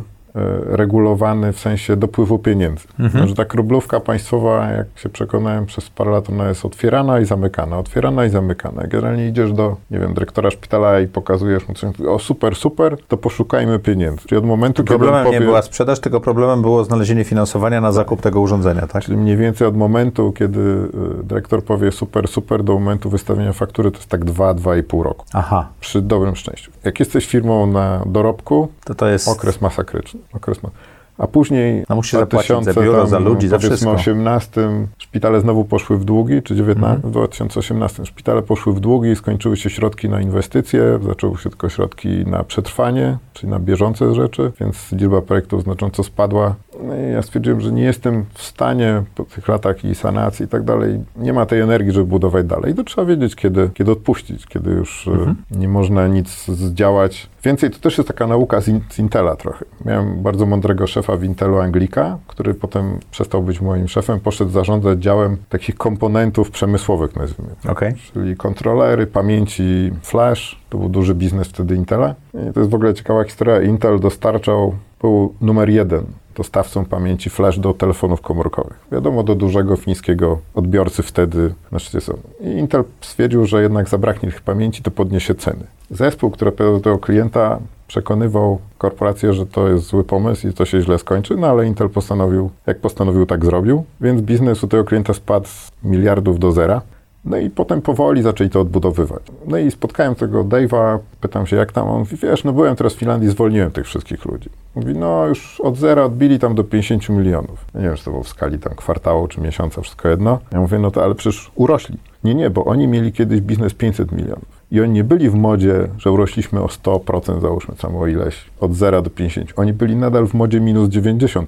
I nie mogli sobie z tym poradzić. I nie mogli poradzić. Więc jeżeli, jeżeli widzisz, że ach, można było tyle zdziałać, a teraz to już się nie uda, no to albo człowiek potrafi to przełamać. Zresztą ja bardzo często walczyłem u moich ludzi z takim podejściem, myśmy tego już próbowali. Zmienia się otoczenie, warunki, Mhm. możliwości. Trzeba spróbować inaczej, ale jeżeli samemu nie da się tego pokonać, no to trzeba wiedzieć, żeby zejść ze sceny być Tak. może. I to był ten moment, kiedy zszedłeś. I to tak? był ten moment. Czy była e, trudna decyzja? To była trochę, to była trudna decyzja, bo de facto ja trochę ten biznes zbudowałem. To byłeś takim z- głównym prowadzącym, prawda? tak, tak, ale pojawił się człowiek tam z firmy, który to przejął, więc to Mhm. może łatwiejszy o tyle moment. No i zostawiłem zespół, który, który mógł funkcjonować, no też solidny dosyć. Czyli miałeś taki krok pośredni po, pomiędzy pracą w dużych firmach do 2015 roku, do zupełnie bycia na swoim, tak? Czy nie? Którym było właśnie budowanie tego biznesu. Ja tak, Tak. robiłem z Mobile Medem na przykład też, że próbowałem z tego zrobić dużą firmę. No tak, no myśmy tam osiągnęli powiedzmy przychody, to były rzęd tam, nie pamiętam, około 10 milionów, nie pamiętam, to rząd wielkości. Taki, no firma. to jest przy sprzęcie to zawsze tam, wiesz, Mhm. to jest trochę inaczej niż w usługach. Tam Tak. mm, jeden projekt może być 3 miliony, Mhm. czy 4, zresztą takie też się zdarzały, ale, ale troszkę tam, no potrafiłem to zrobić, więc to powiedzmy udowodniłem sobie, że potrafię, ale nie, nie udało się może z przyczyn bardziej obiektywnych, e, różnych otoczenia doprowadzić do sytuacji, kiedy rzeczywiście to można powiedzieć, że to był ostatecznie sukces. Także mm, odszedłem stamtąd, byłem, jestem nadal trochę zaangażowany w fundusze inwestycyjne, no, no, jestem w Radzie Nadzorczej małego funduszu inwestycyjnego Mhm. teraz. Kiedyś próbowaliśmy... Black pos- Pearls. Tak, próbowaliśmy... Całkiem przyjemny fundusz, bo tam w paru miejscach się spotykam z nim jako inwestor. Tak, myślę, że bardzo merytoryczni ludzie, Mhm. tacy oferujący takie smart money, bo też Mhm. dużą wiedzę, zresztą sami kształcący się bardzo, bo Marcin Kowalik, który jest prezesem Black Pearls, e, poszedł na Kaufman Fellows, czyli taki instytut VC, MBA dla VC w, w Stanach i zainwestował w to, więc na pewno przywiózł po pierwsze ogromną wiedzę, którą później próbowaliśmy implementować, po drugie ogromną oczywiście sieć kontaktów, które można wykorzystać na zewnątrz. Mhm. To co teraz robisz? No, teraz jestem w zarządzie firmy Solvit, to jest software house, mamy około 300 osób na pokładzie, Mhm. więc dosyć spory biznes. To jest, Projektowy. To jest projektowy biznes, body leasingowy i projektowy. Okej. Troszkę robimy, znaczy troszkę, robimy trochę własnego R&D, wydaje mi się, w bardzo ciekawych rzeczach. Jesteśmy na takim etapie, na progu komercjalizacji tego. W zasadzie podpisaliśmy pierwsze umowy na wdrażanie. Myślę, że to będzie bardzo ciekawy. A co, jaką funkcję w zarządzie pełnisz? Jestem Sprzedajesz? wiceprezesem odpowiedzialnym za biznes, za rozwój biznesu. Czyli za sprzedaż. Tak, ja pomogłem trochę, powiedzmy, zainwestowałem na starcie, kiedy panowie startowali. Tak jak mówiłem, to byli weterani Intel R&D. A czyli zainwestowałeś ten biznes na początku. Tak. Pomogłeś im ruszyć z biznesem. Pomogłem, ale Więc jesteś udziałowcem jestem niedużym udziałowcem i byłem zawsze w Radzie Nadzorczej. Natomiast rok temu jeden z założycieli wycofał się aktywnego bycia w firmie, właśnie w roli również wiceprezesa i, i, i, i prezes przyszedł do mnie z pytaniem, wtedy akurat mniej więcej, kiedy nie miałem zbyt wiele rzeczy do robienia, czy bym nie chciał wejść do firmy, nie, z Rady Nadzorczej wejść do zarządu. Śmiesznie akurat tydzień później zadzwonił Marcin Hejka, czy bym nie chciał do jego projektu dołączyć, no powiedziałem, że no, znasz Leszka, już obiecałem Leszkowi, więc y, nie bardzo. Y, ATB także- Ventures, tak? Mm, To znaczy, on chciał, też- żebym do jednej ze spółek portfelowych A, trafił. Nie, nie, nie do funduszu, do, Okej. do spółki portfelowej. To zobowiązanie powstało wcześniej do Solvitu, więc... e, Bo już się z, z, zadeklarowałeś, tak? tak, tak, tak. Jednak powiedziałem tak, to nie, nie, nie lubię tam zmieniać. Mhm. Także tutaj wszedłem i, i tutaj troszkę... To jest firma, która e, przechodzi ciekawą transformację, bo to jest firma, która się opiera de facto na jednym kliencie.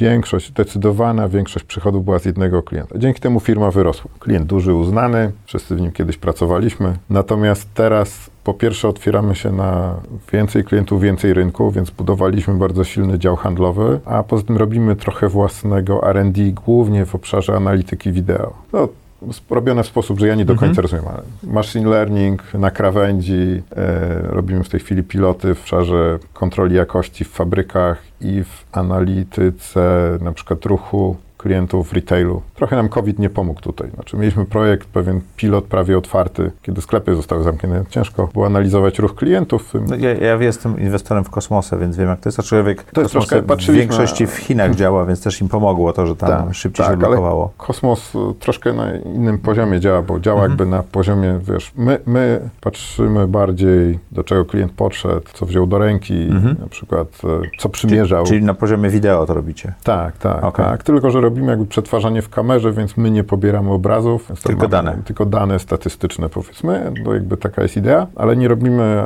agregacji, nie wiem, ci klienci chodzą po takich sklepach i tak dalej, tylko patrzymy na zachowanie w danym miejscu. E, I to są takie dwa obszary. I to jest jeden biznes, w którym jestem zaangażowany. Drugi biznes, w którym jestem zaangażowany, to jest spółka prywatna z moją żoną. E, Od dwóch lat robimy, budujemy markę. Znaczy zaczęliśmy oczywiście trochę wcześniej planować, planować, y, kompletować jakby pomysł i tak dalej, ale od dwóch lat działamy na rynku kosmetyków naturalnych. Okej, to tak zupełnie odejście od... Kompletnie. To jest biznes, którego się...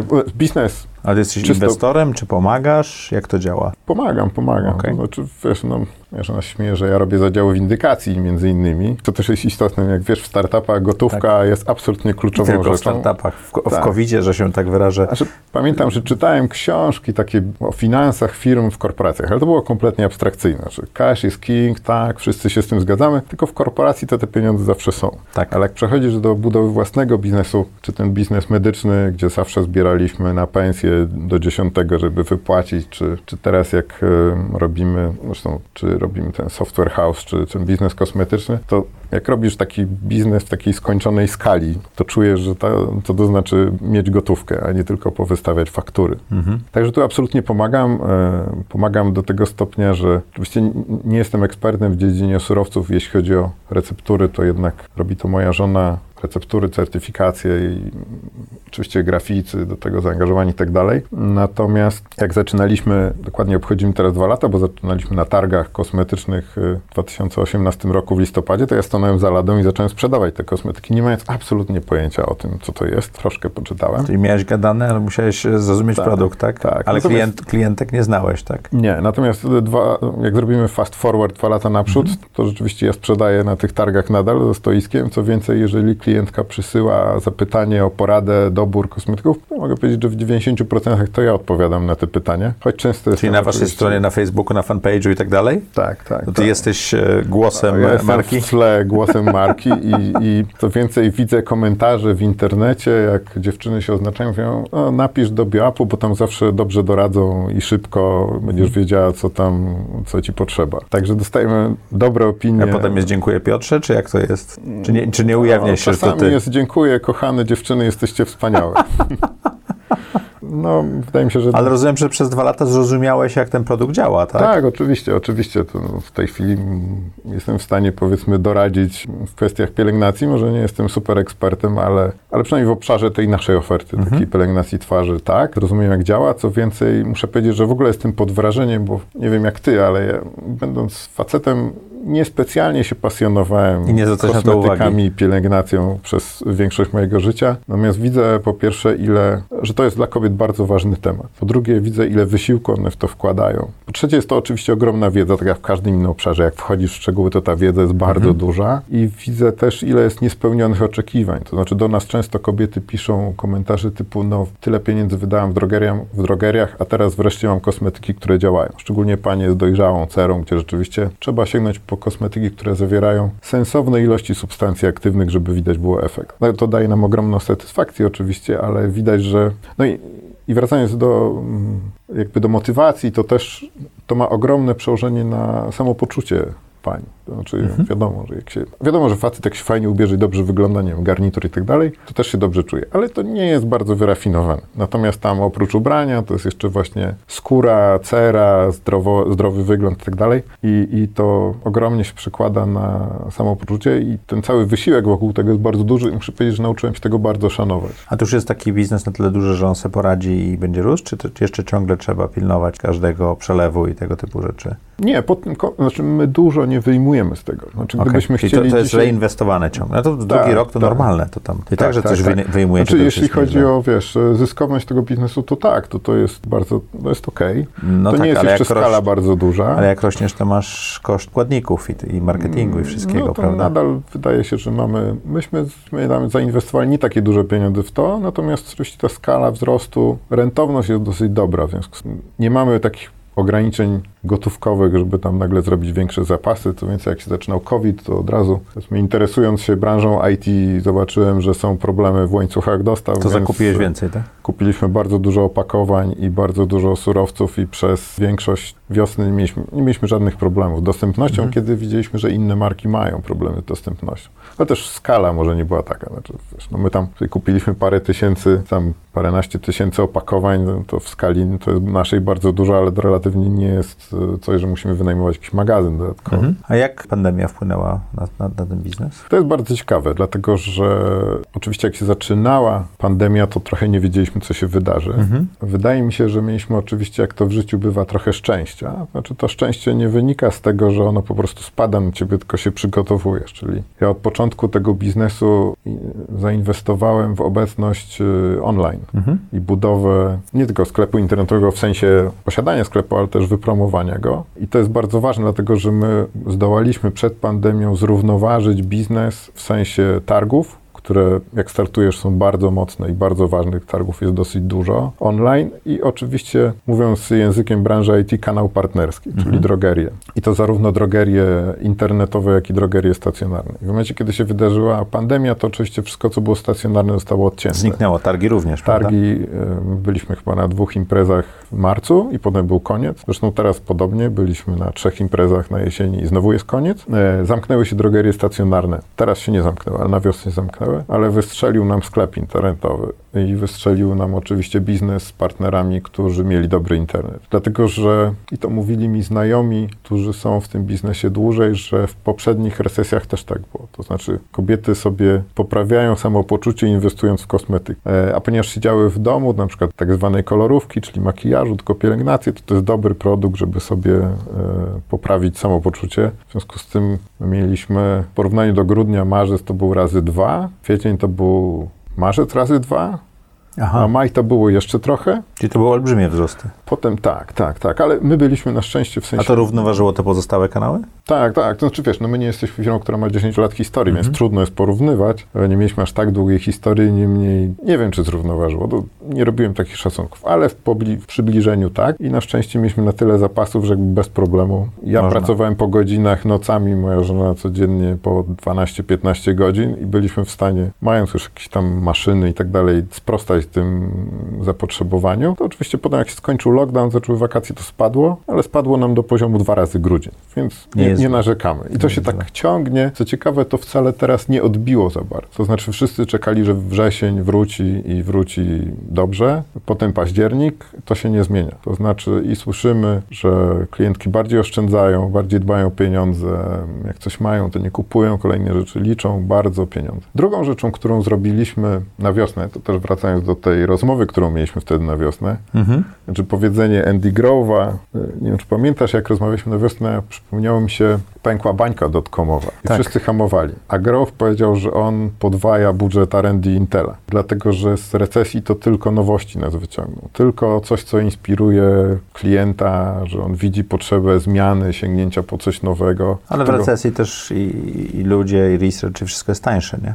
Tak, oczywiście. E, No i my też postawiliśmy na nowości. Wprowadziliśmy jakieś nowości na wiosnę czy w lecie. Teraz zrobiliśmy dosłownie wczoraj, rozszerzacie rozszerzaliśmy nowe cenniki. Część wymieniamy, część... e, Tu bardzo dużo nowości, bo sklepy, wiadomo, to jest rynek konsumencki. Musisz mieć co tydzień, co weekend coś do pokazania. Nie masz nowości, to wchodzi ktoś inny. Albo nowa marka, albo ktoś inny ma nowość. My wysypaliśmy teraz koszyk nowości i widzę, że sklepy już przysyłają. Wiesz, wczoraj wysłaliśmy cenniki, dzisiaj przychodzą zamówienia, bo wszyscy chcą mieć nowości, bo wszyscy- chcą je pokazać, bo wszyscy chcą przyciągnąć Ludzi. ludzi, żeby kupowali, więc to jest jedyna metoda sensowna, wydaje mi się. Widzimy, że wiele firm, jak w każdej branży, idzie w przeceny, promocje cenowe i tak dalej.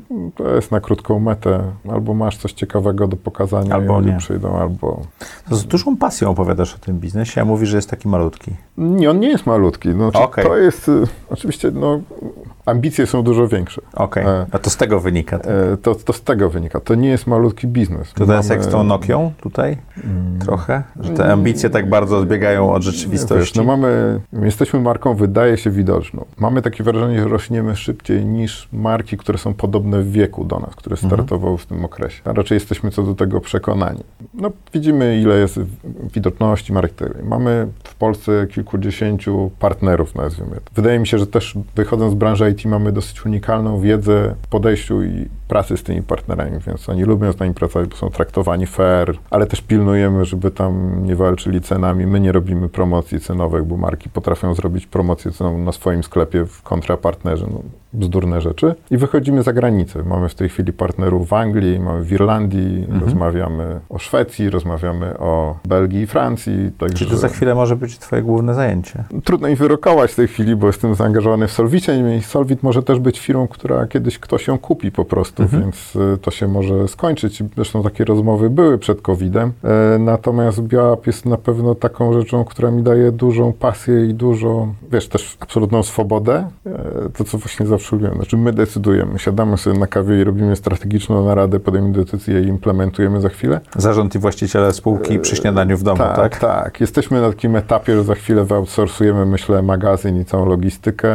Częściowo wyoutsourcujemy produkcję już teraz, bo doszliśmy do tego etapu, ale też możemy, i rzeczywiście nie przeceniałbym skali, ale też mamy jakiś tam wpływ na to, co się dzieje. Znaczy my wypuszczamy pewne informacje i widzimy, jak to rezonuje po rynku. No, mieliśmy taki produkt na jesieni i potem powtórzyliśmy w innej formie na wiosnę z zapachem mango i ze składnikami mango. Drogerie mówią nam, że wywołaliśmy tym po prostu taką modę na mango, że teraz wszystkie marki dużo większe Robią i mango. starsze od nas wypuszczają mango, więc powiedzmy, mieliśmy ten wpływ na rynek, e, który jest fajny. Także jest to rzeczywiście trochę pasja, trochę biznes, e, zupełnie mm, z części, w której, z segmentu rynku, z którym nie, nie miałem do czynienia, ale przenosimy wiedzę, bo zarówno ja, jak moja żona pracowaliśmy w korporacjach IT, więc przenosimy tą wiedzę, którą mieliśmy i implementujemy to, więc a jak recesja, to innowacje, zarządzanie kanałem partnerskim, może niedługo umowy dystrybucyjne, takie już z prawdziwego zdarzenia, bo na razie to raczej jest to powiedzmy na zasadzie T's and C's na odwrocie faktury, no i jakaś tam strategia naprzód i też powiedzmy strategia w sensie nie łapania się za wszystkie możliwe rzeczy, bo znowu ten obszar kosmetyków jest bardzo szeroki. Czyli e, ograniczanie, to co mówiłeś, że wyszedłeś. Czy, tak, w- tak. w- Tutaj jak, też- jak ma się pełną swobodę, to e, jak się jest korporacji, to trzeba rozszerzyć swoje pole. e, e, Jak się działa w, w takiej w dużej organizacji, ale jak się jest na, na swoim, ma się pełną swobodę, to sztuką jest właśnie wybór, prawda? Absolutnie, absolutnie, dlatego że ja mam takie doświadczenia, też zainwestowałem w startupy, które nie wypaliły, dla, często dlatego, że próbowały zrobić produkt dla wszystkich. I nawet jak masz super technologię wewnątrz, to w relacjach B2B, w relacjach B2B kluczem jest wartość. To znaczy albo wnosisz wartość biznesową, albo cię tam nie ma. I teraz nawet jak masz technologię, ale nie potrafisz z tej technologii na przykład zasilić systemów klienta danymi, tak żeby on widział biznesową wartość, to on nie ma żadnej wartości. Tak. Albo jeśli się nie potrafisz dopasować tego, nie wiem, dynamiki biznesu, procesów, organizacji i tak dalej, nie pasujesz, nie wnosisz wartości. I to jest klucz, więc y, w biznesie konsumenckim jest troszkę inaczej. Tam moim zdaniem rządzi motywacja. To znaczy trzeba zrozumieć, jaka jest motywacja twojego klienta. Jeżeli zrozumiesz, Dlaczego- motywację dlaczego? możesz mu sprzedać, dlaczego on chce to kupić. Ta motywacja może być w postaci wartości, bo to mu, nie wiem, obniży koszty. Nie wiem, kupię żarówkę LED, wyjmę z tradycyjną, będę miał mniejsze rachunki za prąd. Okej, to jest jakaś motywacja, ale w części rządzą emocje. A w B2B musi być jednak e, to dopasowanie. E, Tutaj w tym biznesie, gdybyśmy poszli bardzo szeroko, to rzeczywiście pewnie byśmy popełnili więcej błędów, trafili na rynki, nie wiem, kosmetyki dla mężczyzn, do włosów, na których nie jesteśmy rozpoznawalną marką, więc byśmy przepalili ileś pieniędzy, zanim byśmy to zbudowali.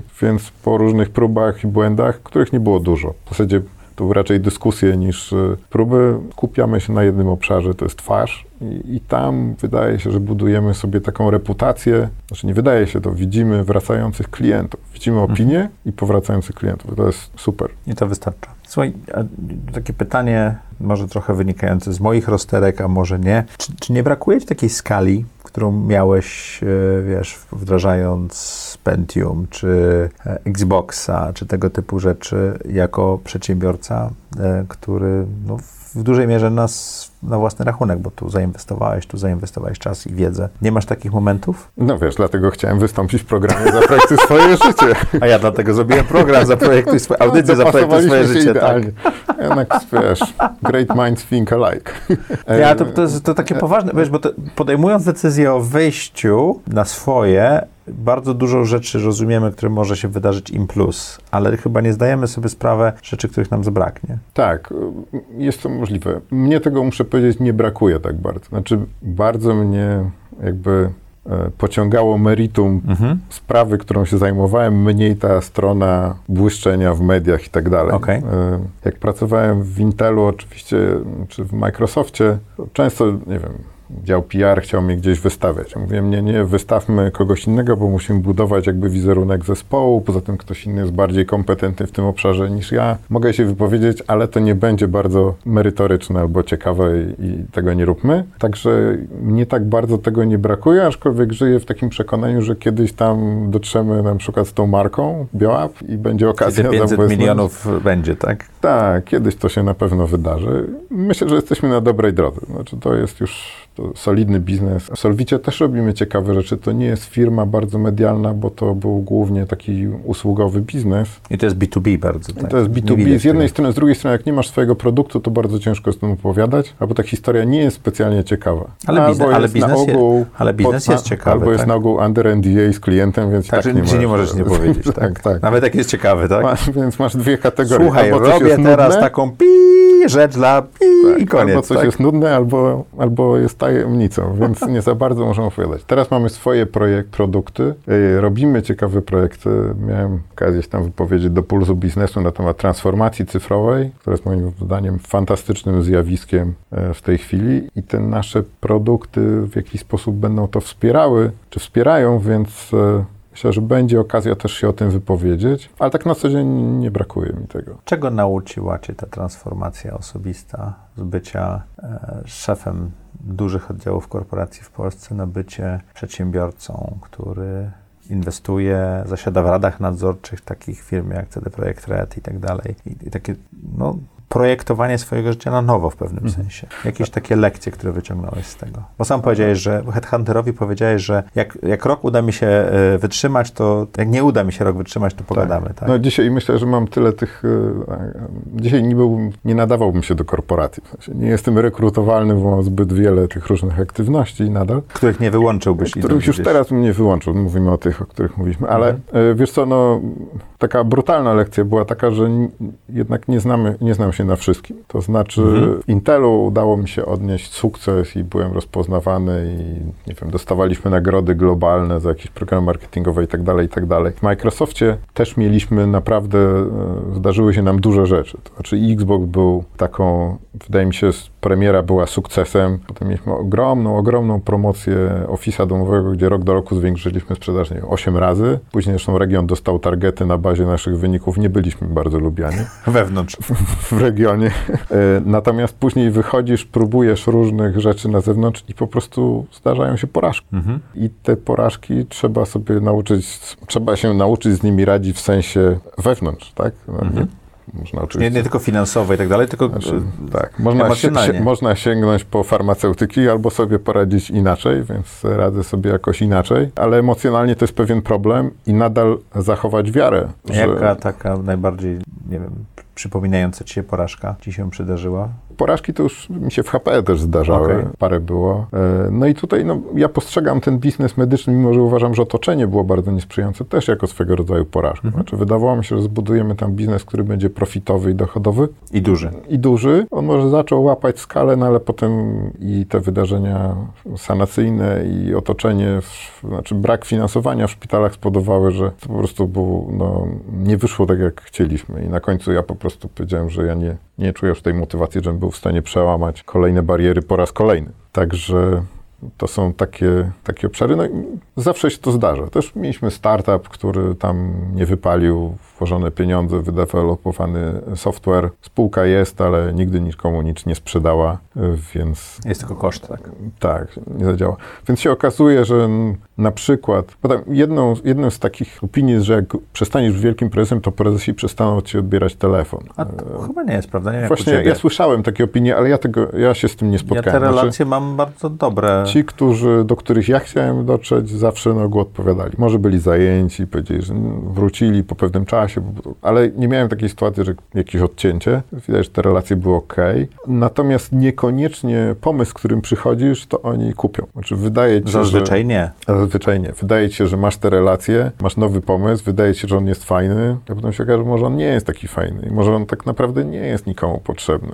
Trzeba się z tym godzić, odłożyć, próbować e, coś kolejnego. Bardzo ciekawą inspiracją dla mnie była książka Howarda Schulza, jak budował Starbucks. I on Mhm. zrobił 850 pitchingów do inwestorów, Zanim dostał pierwszy zanim pieniądze. dostał pierwsze pieniądze. E, Jest na to dla mnie było takie... nie czytałem. Warto To, przeczytać. tak, niektórzy mówią, że to jest bardzo taka PR-owska książka, ale dla mnie była bardzo edukacyjna.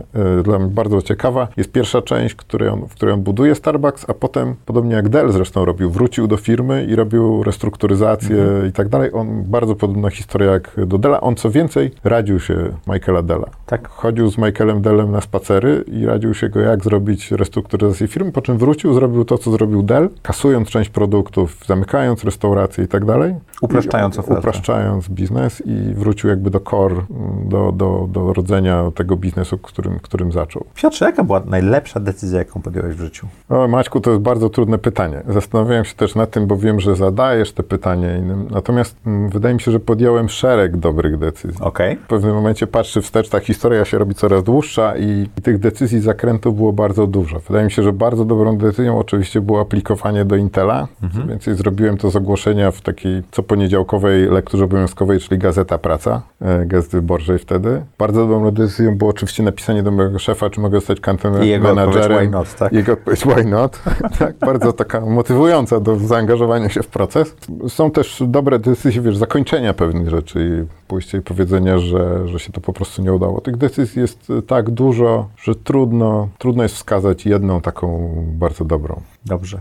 A co daje Ci najwięcej energii czy satysfakcji w życiu? Wiesz co, no oczywiście jak widzę, że to, co robię, ma fajny wpływ. To znaczy, To, co mówiłeś o tych tak, wartościach. to znaczy ja widzę, że na przykład mam pewien talent do budowania zespołów. Ludzie chcą ze mną pracować. Czasami zastanawiam się dlaczego, ale pe- pewnie rozumiem pewne mechanizmy i widzę, jak im ta satysfakcja sprawia, im ta praca sprawia satysfakcję. I to jest też bardzo pozytywny, bo ja też dostaję bardzo pozytywny feedback. Więc ogólnie pozytywny feedback daje mi dużo energii. Druga rzecz, która mi daje dużo energii, to oczywiście trochę ruchu na świeżym powietrzu, czego nie jest za dużo, ale staram się, uwielbiam jeździć na rowerze. Kiedyś jeździłem dłuższe maratony, dzisiaj już troszkę krótsze, nie, bo z braku czasu chyba i może trochę motywacji, ale uwielbiam. Jak tylko mam czas, to, to wsiadam na rower i gdzieś tam jeżdżę po, po okolicach Białołęki.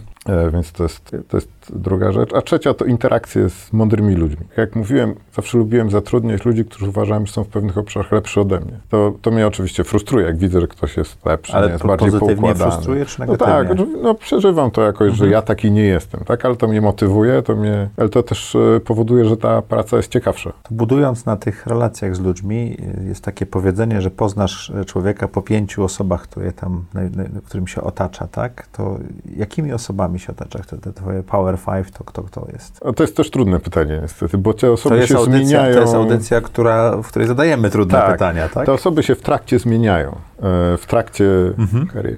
Oczywiście mam... Mhm. A teraz? e, No dla mnie bardzo ważną osobą jest moja żona, która jest też moją partnerką biznesową w Biapie, więc spędzamy mnóstwo czasu na rozmowach oczywiście o firmie, no i nie tylko, ale to jest e, bardzo inspirująca osoba. Mam też dorosłe, bardzo mądre dzieci, Mhm. z którymi nie mam tak dużo kontaktu, jakbym chciał. Staram się na tyle, na ile mamy czas. E, Mój syn zresztą wyjechał teraz na studia do Londynu. Co prawda je realizuje zdalnie, Ale w Londynie. ale w Londynie. No i no teraz codziennie rozmawiamy na, na jakimś messengerze i, Mhm. i z córką i z synem te rozmowy są bardzo ciekawe, mają swoje bardzo silne poglądy, przemyślenia. Oczywiście mają inną perspektywę jako młode pokolenie, ale to mnie, mnie bardzo inspirują.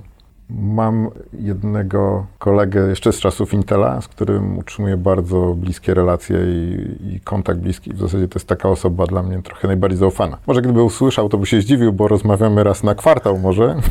Ale te rozmowy prawdopodobnie nie są płytkie, prawda? E, wtedy? Nie, no bo rozmawiamy o różnych rzeczach, również o osobistych, ale oczywiście o biznesowych problemach, więc to są, to jest e, kilka osób, ale potem sz- szukam zawsze nowych, ciekawych ludzi i, i staram się uczyć od nich, albo tak oczywiście są kontakty osobiste. Teraz dzięki również takim audycjom jak Zaprojektuj swoje życie, można mieć z nimi kontakt również przez internet i posłuchać, co ciekawego mają do powiedzenia w nieszablonowy sposób. Mhm. I to jest bardzo inspirujące. Mam kilka serii podcastów, których słucham. Piotrze, jaką masz supermoc? No wydaje mi się, że właśnie przyciąganie ludzi do siebie, wy, budowanie zespołu. To jest absolutnie... To jest potężna supermoc. To jakby udowodniłem sam sobie, bo jestem mhm. dosyć sceptyczny wobec siebie w wielu organizacjach. I widzę, że ludzie, którzy nawet podchodzą do mnie sceptycznie czy z pewnym dystansem, przekonują się do mnie, chcą ze mną pracować. Co więcej, jak czasami odchodzę z organizacji, to, to fajnie się żegnają i widać, że dobrze im się pracowało. Że takim ekstremalnym przypadkiem e, było, jak pracowałem w Intelu i odchodziłem, trzy lata wcześniej przejąłem Czechy. To było dosyć bolesne, dlatego że tam country managerem na ten część regionu był Czech i oni nagle Czechę stracili, była inwazja z Polski mhm. i był duży opór i nawet ówczesny mój szef Anglik zresztą mówił, musisz tam delikatnie, ostrożnie i tak dalej, i tak dalej. Trzy lata później pożegnanie z nimi było bardzo wylewne. To, że oni zobaczyli wartość, którą wnieśliśmy do biznesu, ja i, i też e, koledzy, czy koleżanki, którzy wspierali ich. Oczywiście żegnali się, no tak no, naprawdę zorganizowali super e, pożegnanie we wszystkich innych miejscach. Myślę, że to bierze się z tego, że ja po pierwsze ludzi obdarzam bardzo dużym zaufaniem. Myślę, że na granicy takiej dziecięcej naiwności daję im kredyt zaufania. Na ogół to się nie zdarza mi, znaczy nie zdarzają mi się zawody, czasami się zdarzają. No to wtedy jest problem, trzeba się jakoś rozstać. To jest pierwsza rzecz. Druga rzecz, wydaje mi się, że potrafię jakby nagradzać, znaczy nie biorę do siebie sukcesu, tylko raczej spycham na ludzi, to o czym mówiłem o Mhm. o wystawianiu ludzi również na zewnątrz. E, a trzecia rzecz to staram się trochę dla, własne, dla własnej potrzeby, ale też i dla nich stale komunikować kierunek. To jest bardzo ważne, żebyśmy, mówi Miłosz tylko... Brzeziński, kajak płynie szybciej, jak wszyscy wiosłują w jedną stronę. Tak. I, I, jeżeli ludzie, nawet jeżeli mają bardzo dużo pracy, czyli ta struna jest mocno napięta, są zmęczeni i tak dalej, ale widzą, że posuwają się w konkretnym kierunku, ten kierunek jest w miarę stabilny, jest jasno nakreślony i widzą, że są te kroki, te zwycięstwa, to czują z tego ogromną satysfakcję. Potem są za to nagradzani, wyróżniani, dostają pozytywny feedback, bo negatywny nie jest moją mocną stroną. To to buduje przywiązanie do zespołu. I nie czują się swoją dobrze. supermoc, ale potrafisz ją rozłożyć na czynniki pierwsze. Wiesz co, często to analizowałem. Często to okay. analizowałem, bo to oczywiście jak zarządzasz w organizacjach, czy wchodzisz do nowych organizacji, to jest dosyć istotne. Jak przechodziłem do HP i jakby z góry było powiedziane, że to jest zespół w kryzysie. Zespół, który stracił country managera, notabene teraz ten wraca, e, zresztą Andrzej do, do HP. Potem przez pół roku była jakaś dziewczyna z finansów i długo byli pozostawieni mhm. sami sobie. Headcount został zmniejszony o połowę, więc mega dużo zwolnień, więc w ogóle demotywacja i tak dalej. Wyniki słabe i teraz pytanie, co zrobić, żeby to odbudować. Jest taka książka The First 90 Days, tak. którą polecam wszystkim, którzy... Stoi gdzieś tutaj. To, to jest bardzo dobra... Tak, tak, tak. To jest bardzo dobra książka. Muszę powiedzieć, że ja wchodząc do HP po prostu wziąłem sobie rozdział o zespołach w kryzysie i ją tam przepraktykowałem, właśnie w sensie wytyczania kierunku, quick wins i tak dalej, i tak dalej i to super zadziałało. Stąd jakby moja świadomość pod tym względem jest yy, w miarę, roz, powiedzmy, duża, dlatego że no, to były takie zadania czysto leadershipowe, menedżerskie, ale do nich się przygotowywałem, tak. żeby, żeby to był sukces. Zresztą na tyle, że jak mówiliśmy, HP to firma taka, w której kryzysy się, w zasadzie od kryzysu do kryzysu się wiosłowało w tym kajaku. Mhm. Ja przyszedłem w 2011 i mniej więcej rok później HP ogłosiło zresztą słabe wyniki finansowe. Pół roku później ogłoszono, że dla działu komputerów osobistych, który prowadziłem, zostaną rozpatrzone opcje strategiczne. Co to oznacza mniej więcej? Wszyscy wiemy. Czyli opcje strategiczne Zobaczymy, oznacza, że... czy to zaorać, czy może sprzedać, czy nie. Były plotki, że Samsung kupi. To się nie wydarzyło. Pół roku później, ale zespół był w panice. Pół roku później połączono dwa zespoły. Drukarek, drukarek i, komputerów osobistych i, był, i oczywiście to był prosty system, czyli jedna, nagle z dwóch pozycji robi się jedna i jest konkurs piękności, kto zostaje. Ja byłem rok w HP, a kolega, który zarządzał działem druku był 15 lat w HP. No i normalnie mieliśmy interwiu z przesłuchaniem.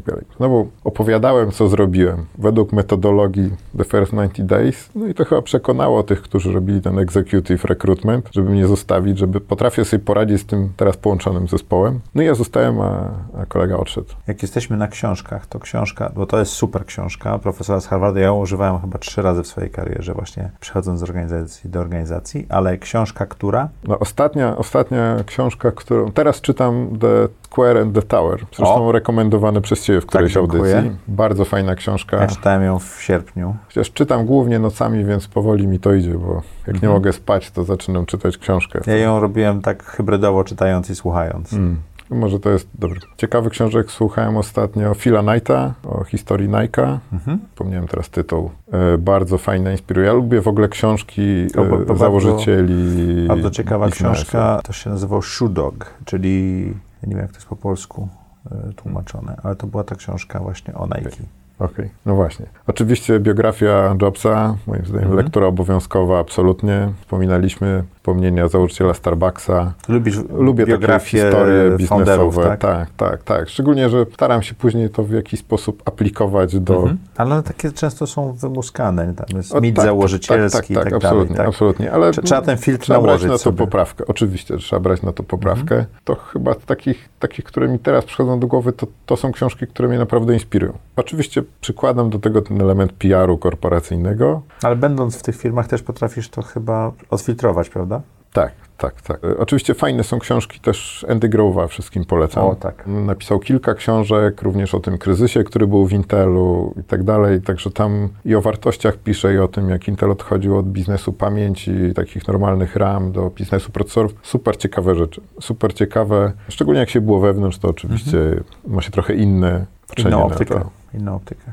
Piotrze, bardzo Ci dziękuję. Co chciałbyś, żeby nasi słuchacze i widzowie zapamiętali z tej audycji? No ja bym chciał, żeby nie bali się podejmować wyzwań Mhm. i nie bali się porażek i brali za nie odpowiedzialność. Znaczy w sensie takim, że jeżeli coś się wydarzy źle, okej, popełniliśmy błąd, ale na tym się możemy uczyć. I- to jest i moja, naprawić. I naprawić. To jest moje ostatnie pięć lat generalnie pracy, więc Mhm. e, jest to bardzo ciekawe. Nie jest łatwe, ale wydaje mi się, że jest warte tego wysiłku. Bardzo dziękuję. Ja też dziękuję. Dziękuję Wam. Jak co czwartek o czwartej zapraszam Was do audycji Zaprojektuj swoje życie.